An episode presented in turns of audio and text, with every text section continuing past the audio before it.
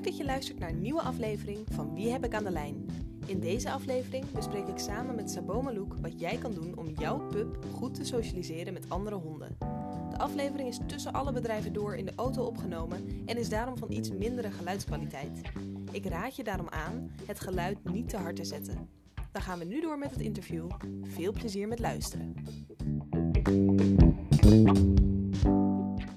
Welkom bij Wie heb ik aan de lijn? Mijn naam is Hella en ik zit hier vandaag samen met Sabo Malouk om te spreken over de aflevering Mijn pup en andere honden. We zitten in de auto, dus ik hoop dat je niet te veel ruis hoort. Uh, maar als je een gek geluid hoort, dan weet je waar het vandaan komt. Sabo, uh, begin eens met iets over jezelf. Wie ben jij en wat voor bedrijf heb je? Ik ben Sabo. Ik uh, heb een hondencoach. Dat houdt in dat ik consulten doe aan huis. Dus als je een hond hebt met probleemgedrag, kom ik aan huis. Uh, en help ik je daarmee verder. Uh, daarnaast geef ik puppytrainingen, interne trainingen. Dat houdt in dat je hond bij mij thuis komt en dat ik met hem aan de slag ga vier weken lang. Uh, en we daarna samen verder gaan trainen. Um, ja, eigenlijk is het mijn doel mensen bewust te maken van, het, van de hondentaal. En heb je zelf ook honden? Ja, ik heb zelf twee honden. Indy van 14 jaar oud, dat is een Amerikaanse Stafford. En Tank van nu 3. En misschien is het uh, ook wel leuk, ik zat even te denken, misschien is het leuk om te vertellen hoe wij elkaar uh, hebben leren kennen. Want wij kennen elkaar nog niet zo lang. Nee. Um, en wat mij betreft ook wel een beetje op een gekke manier. Um, ja, misschien is het logisch als ik te begin. Ik zat op Instagram te scrollen en ik kreeg een uh, advertentie langskomen. En toen zag ik een foto van jou, volgens mij, dat je met de honden bezig was. En toen dacht ik, dat ziet er zo ontspannen en fijn uit. Ik wil jou leren kennen. Ik wil een dagje met je meelopen en ik wil weten Ja. hoe jij werkt. Ja. Um, wat dacht jij toen je mijn mail kreeg?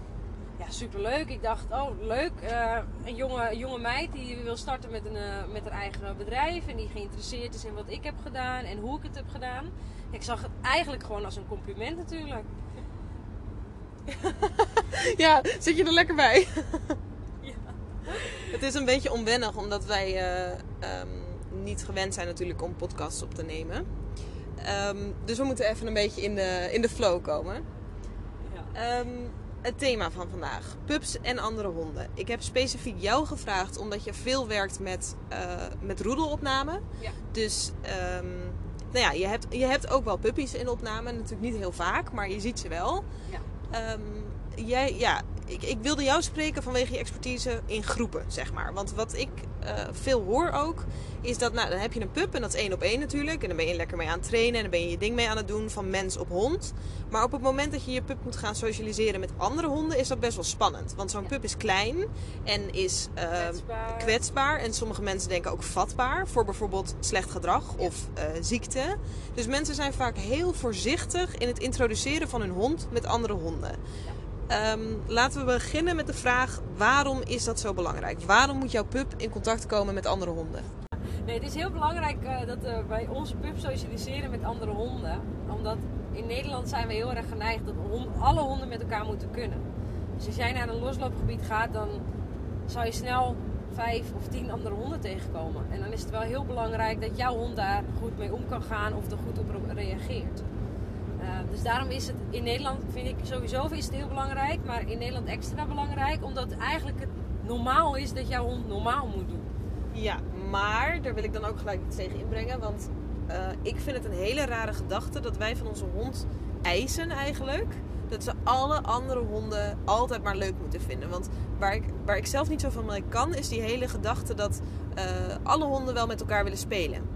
En dat vind ik altijd een beetje dat ik denk, nou ja, het kan ook best zijn dat een hond niet klikt. Of dat er honden zijn die juist niet geïnteresseerd zijn in elkaar. En als ze dan niet aan het spelen zijn, dan zijn mensen altijd meteen uh, um, teleurgesteld. Ja. Of ze denken dat er iets mis is. Ja, of de, of de hond die is niet leuk, of die wordt juist naar voren gestuurd van ga spelen. Mhm. Uh, terwijl de hond eigenlijk allerlei signalen afgeeft van ik wil niet spelen, ik wil naast jou staan, ik voel me hier veilig. Uh, en dan wordt de hond er eigenlijk alsnog ingestuurd, duwt. Ja, dat is heel jammer en het is ook zonde van de hond, want vaak reageren honden dan juist op het moment dat ze moeten of dat ze gedwongen worden. Um, maar dat is inderdaad wel een dingetje, ja, waar aan gewerkt mag worden. Niet iedere hond wil spelen. En niet iedere hond vindt het leuk. En niet, niet alle honden zullen met elkaar opschieten. Dat doen wij mensen met elkaar ook niet. Wij hebben ook onze voorkeuren. Nee. En zij hebben dat ook. Dus op het moment dat je je pup gaat socialiseren, zou ik zeggen, is het belangrijk om goed te kijken welke honden zet ik samen met mijn pup. Ja. En wat zijn dan honden, of, of hoe weet ik wat voor hond ik bij mijn pup kan zetten?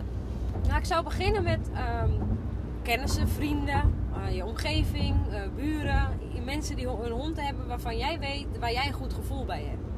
Ehm, nodig die uit of ga samen naar een park en begin eerst eens aan de riem te lopen. Dus niet laten snuffelen, gewoon alleen allebei naast elkaar gaan wandelen.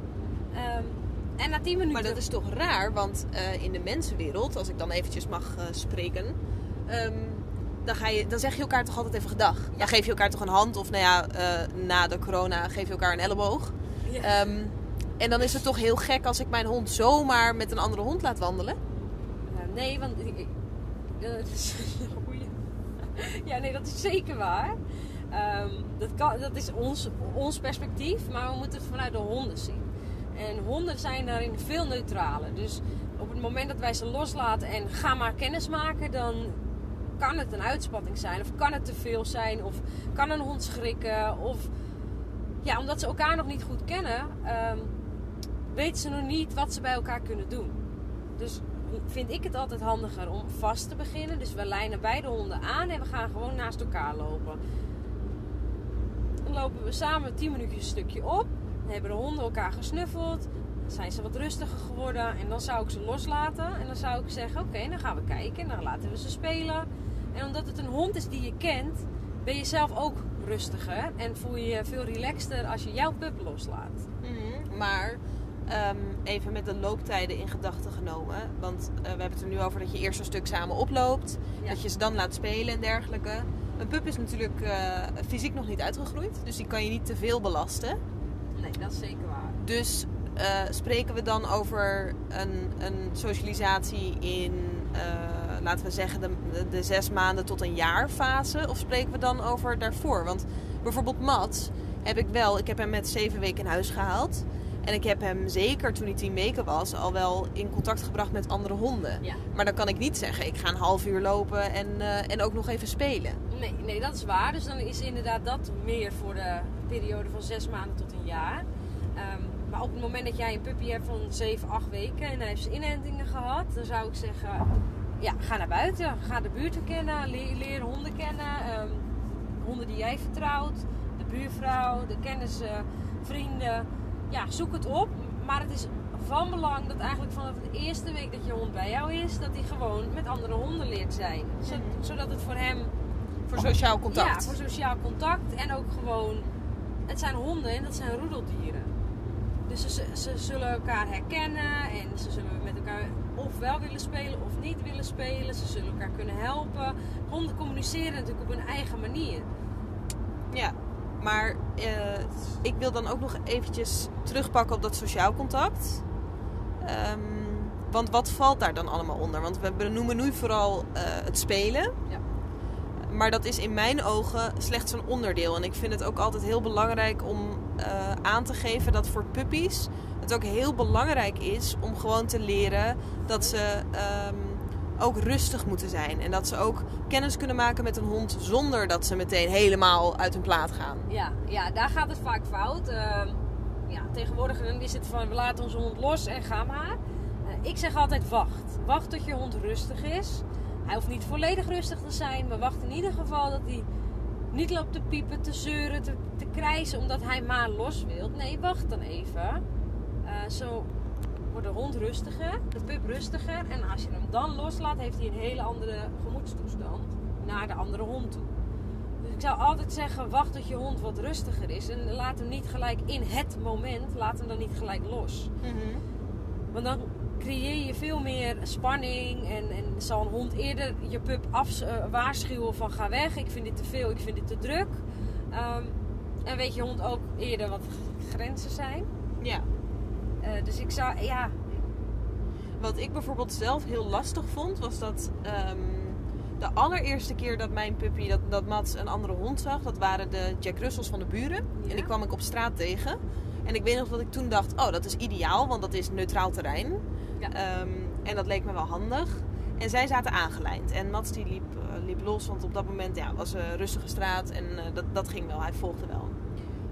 Ik weet niet of ik dat nu nog steeds op dezelfde manier zou doen. Maar toen de tijd, eh, ja, Mats was, hij liep altijd aan de voet. En dat is natuurlijk geen excuus, want er kan altijd iets gebeuren. En hij had altijd de straat over kunnen rennen. Maar op dat moment ehm, nou ja, heb ik daarvoor gekozen. En eh, hij had in, in die situatie dus ook de mogelijkheid om zelf te naderen of te, te vluchten, zeg maar, of, of achteruit te lopen bij die honden. En ik weet nog dat ik mij ontzettend schuldig voelde, omdat eh, ik dacht de situatie wel te overzien. En het ging wel goed. En die Jack Russells die waren aan de lijn en die eigenaar was erbij. En ik dacht, die heeft die honden wel onder controle, komt wel goed. Ehm, en er is niks heftigs gebeurd hoor. Maar ik weet nog dat Mats dichtbij kwam. En dat een van die twee Jack Russells daar eh, ongemakkelijk van werd. Wat spanning opbouwde en uitviel. Dus die blafte en die deed even één snauw. En Mats die was daar helemaal van ondersteboven. Die, eh, die, ja, die, die viel meteen op zijn kont. Die viel meteen ook stil, zeg maar. Dus die had meteen zoiets van... Wat is hier gebeurd? En ik weet nog dat ik op dat moment eh, er heilig van overtuigd was... dat ik zijn allereerste eh, ervaring met andere honden Had- verpest had. Ja. En dat ik vanaf nu een hond had waarmee ik heel erg zou moeten werken en weet ik veel wat. Ja, dat, is, ja, dat gebeurt vaak. Va- Veel mensen die hebben zoiets van... als er iets naars of iets slechts is gebeurd... dan blijven we daarin hangen. Ja. Maar dat is een voordeel van honden. Honden doen dat niet. Natuurlijk herinneren ze zich het of weten ze nog welke hond hun wat aandeed. Maar zolang wij ehm, sterk in onze schoenen blijven staan en zelfverzekerd overkomen, dan zal de hond ons ook volgen. Dus als we, hoe, het, is, het gaat er echt om hoe handelen wij in die situatie. Raken wij in paniek, dan zal de hond er ook inderdaad een paniekerig gevoel aan overhouden. Maar als wij gewoon, eh, weet je wel, eh, onze schouders ervan ophalen en een beetje zoiets hebben van... Oké, Mats, kom maar hier. Dit gaat niet helemaal goed. En wij sturen en wij lopen ervan weg van de situatie. Dan zal voor Mats zal duidelijk worden van... Oh, oké, jij haalt me uit deze situatie en we gaan samen verder. Ja. Dus dan blijft het bij Mats ook niet hangen. En dan kan hij het ook weer loslaten. En als je dan volgende keer weer de honden nadert, zou je er rekening mee houden. Ehm, maar dan zal Mats niet uitvallen, omdat hij heeft geleerd van oké, we gaan weg uit de situatie. In plaats van dat we hier blijven. Ja. ja, en ik moet ook zeggen, ehm, op dat moment was ik me er heel erg bewust van dat het belangrijk was dat ik het niet groter zou maken dan dat het Ja, was. Dat, dat is inderdaad heel belangrijk. Ehm, dat, wat niet betekent dat ik hem straal negeerde, want ik, ik begreep ook wel dat hij geschrokken was. Ja. Maar ik had meer zoiets van, eh, inderdaad, we gaan gewoon verder. Zo Ja. van, nou, hè, goed dat je er even bent bijgekomen. Eh, hij mocht nog even kijken, toen gingen we verder. Maar dat is wel een herinnering, daarom noem ik hem nu ook. ja, die Ehm, blijft hangen. Eentje die blijft hangen, maar ook eentje waarvan ik had van eh, die situatie had ik anders kunnen benaderen. Ik had er een, een succesverhaal van kunnen maken voor hem, zeg maar. Ja. En daar wil ik dan meteen even op inhaken, want eh, voor heel veel mensen is een succesvolle socialisatie is een situatie waarin de pup eh, lekker uitbundig gespeeld heeft, lekker vermoeid is en thuis helemaal gelukkig in slaap valt. Ja. Ja. Laten we het daar even over hebben. Want wat mij betreft is dat niet de enige vorm van succes die je kan hebben. Nee, dat is absoluut niet alleen een vorm van succes. Het is natuurlijk heel leuk om je hond pup te zien spelen met een andere hond. Uh, maar ik vind het veel belangrijker dat mijn hond leert volgen en leert ontdekken. Uh, naast spelen natuurlijk. Spelen is ontzettend belangrijk. Maar het ontdekken van de wereld is nog veel belangrijker. Weet je, wat is er Mhm. om me heen? Wie zijn er? Vertrouw ik het? Waar is mijn baas? Opletten, weet je Ja. contact maken. Dat, dat is vele malen belangrijker tijdens de socialisatie dan het alleen spelen. Ja. Maar omdat veel mensen alleen bezig zijn met spelen, laten ze spelen. Na een half uurtje zijn ze klaar en dan gaan ze weg.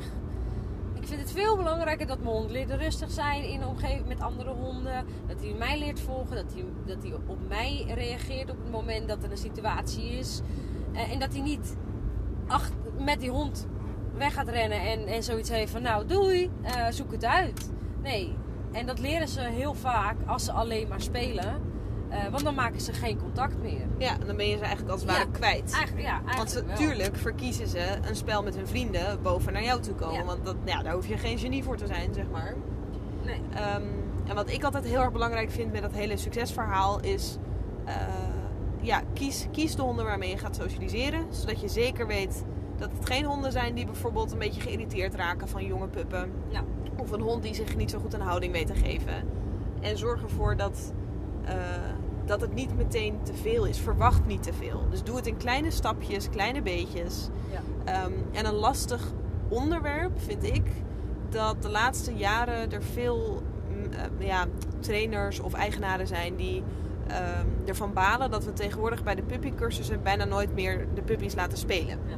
Want er werd vaak gezegd, het is heel goed voor een pup om met leeftijdsgenoten te kunnen ravotten. En de eh, tegenreactie daarop is dus dat we dat niet doen. Omdat puppies niet in staat zijn om volledig te communiceren met lichaamstaal. In ieder geval niet tot een bepaalde leeftijd. Klopt. Ehm, en dat je daardoor heel moeilijk kan inschatten wanneer er iets te veel is voor je pup. Ja. En dan ga ik eindelijk tot mijn vraag komen, want dit was een hele grote inleiding. De vraag is, hoe kan ik mijn pup inschatten? Hoe zie ik aan mijn pup wanneer hij zich niet op zijn gemak voelt? Nou, let vooral op de lichaamstaal. Wat zegt jouw pup? Komt hij achter jouw benen staan? Kruipt hij achter je benen? Kruipt hij in elkaar? Eh, gaat, maakt hij zich heel groot? Kijk vooral naar de lichaamstaal van je hond. Die zegt eigenlijk alles. Op het moment dat mijn hond hè, uit het spel gaat en of, of eh, weg probeert te rennen van het spel en daarmee vier hondjes achter zich aankrijgt, dan zal ik ertussen gaan staan om, om ruimte te creëren voor mijn hond. Ik vind het namelijk belangrijk dat mijn hond, als hij naar mij toe komt, dat ik hem ook help. En dat is iets wat vaak niet gebeurt. Dan is het van, ja maar ga maar, hier, ga maar, is leuk. Ehm, ja, en daar moeten we echt beter naar gaan kijken, naar de hondentaal. We moeten niet onze honden behandelen als onze kinderen, maar als echt honden. Want dat is wat, wat, wat er nu eigenlijk misgaat. We behandelen onze honden veel te veel als kinderen.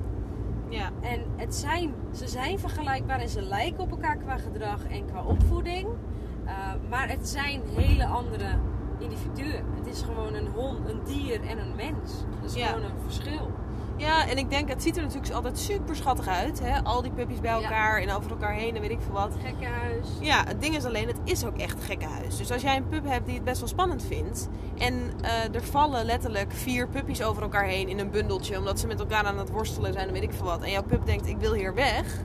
dan wordt dat vaak niet, Dan wordt het niet gezien. nee, niet gezien. En dan ligt zo'n pup daaronder. Want ze zijn toch met elkaar aan het, aan het klauwen Ja. en bijten. En ehm, Het is heel schattig. Het is heel schattig, maar het, is ook oprecht lastig om dan eh, die onderste te zien. Eh, Ja. in, in de zin van die pup die dan dus vast ligt, zeg maar. Ja. Of daar weg wil. Nou, het, het zou voor mensen heel fijn zijn als we beginnen met een hondentaal. Heel veel mensen schaffen een hond aan, maar hebben eigenlijk geen idee hoe hun hond communiceert. Wat zegt mijn hond? Wat straalt mijn hond uit? Wat voor ras heb ik in huis gehaald? Eh, wat zijn zijn kenmerken? Het hoeft niet te zeggen dat hij dat allemaal heeft, maar als we beginnen met het inlezen van wat is nou eigenlijk een hond en hoe spreekt een hond, ehm, dan, dan zou het ja, voor de hond ja, al veel makkelijker zijn en voor ons ook om met onze hond te leven. ja, zeker. Het zou een hoop schelen. Ehm, Ja, het zou, het zou echt heel. Het zou eigenlijk, weet je wat er nu gebeurt? Nu schaffen we een hond aan, we kopen hem, we halen leuke eh, speeltjes, en kussentjes en een blauw bakje of een roze riempje. Eh, maar we hebben eigenlijk geen idee waar we aan beginnen. mhm. En daar komen we pas langzamerhand komen we erachter. Eh, omdat onze hond gedrag gaat vertonen, of hij ons gaat uitdagen, gaat testen.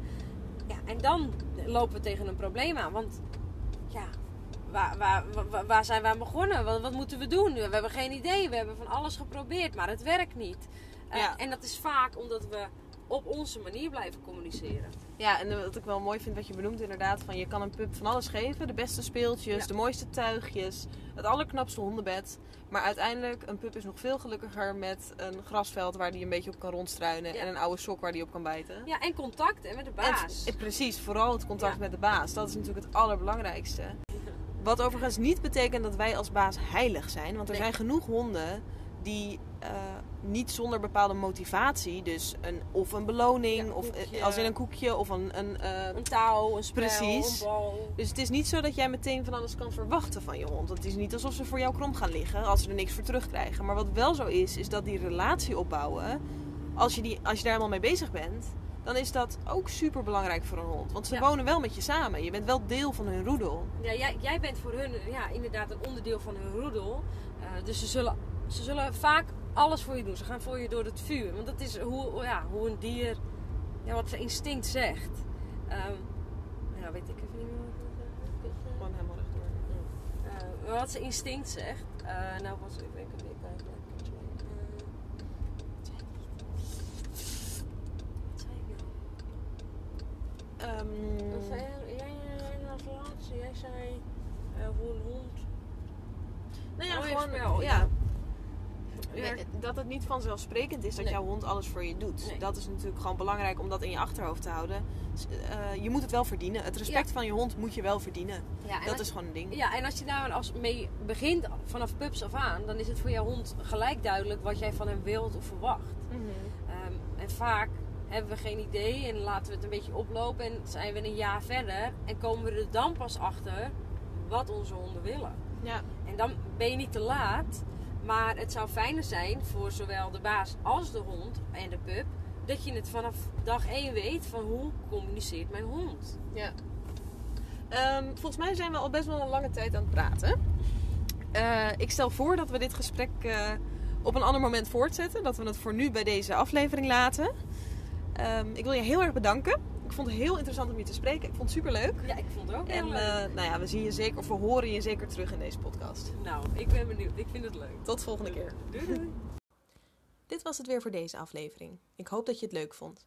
Heb je vragen of heb je opmerkingen, dan kun je deze altijd sturen naar hella.hellashondenadvies.nl.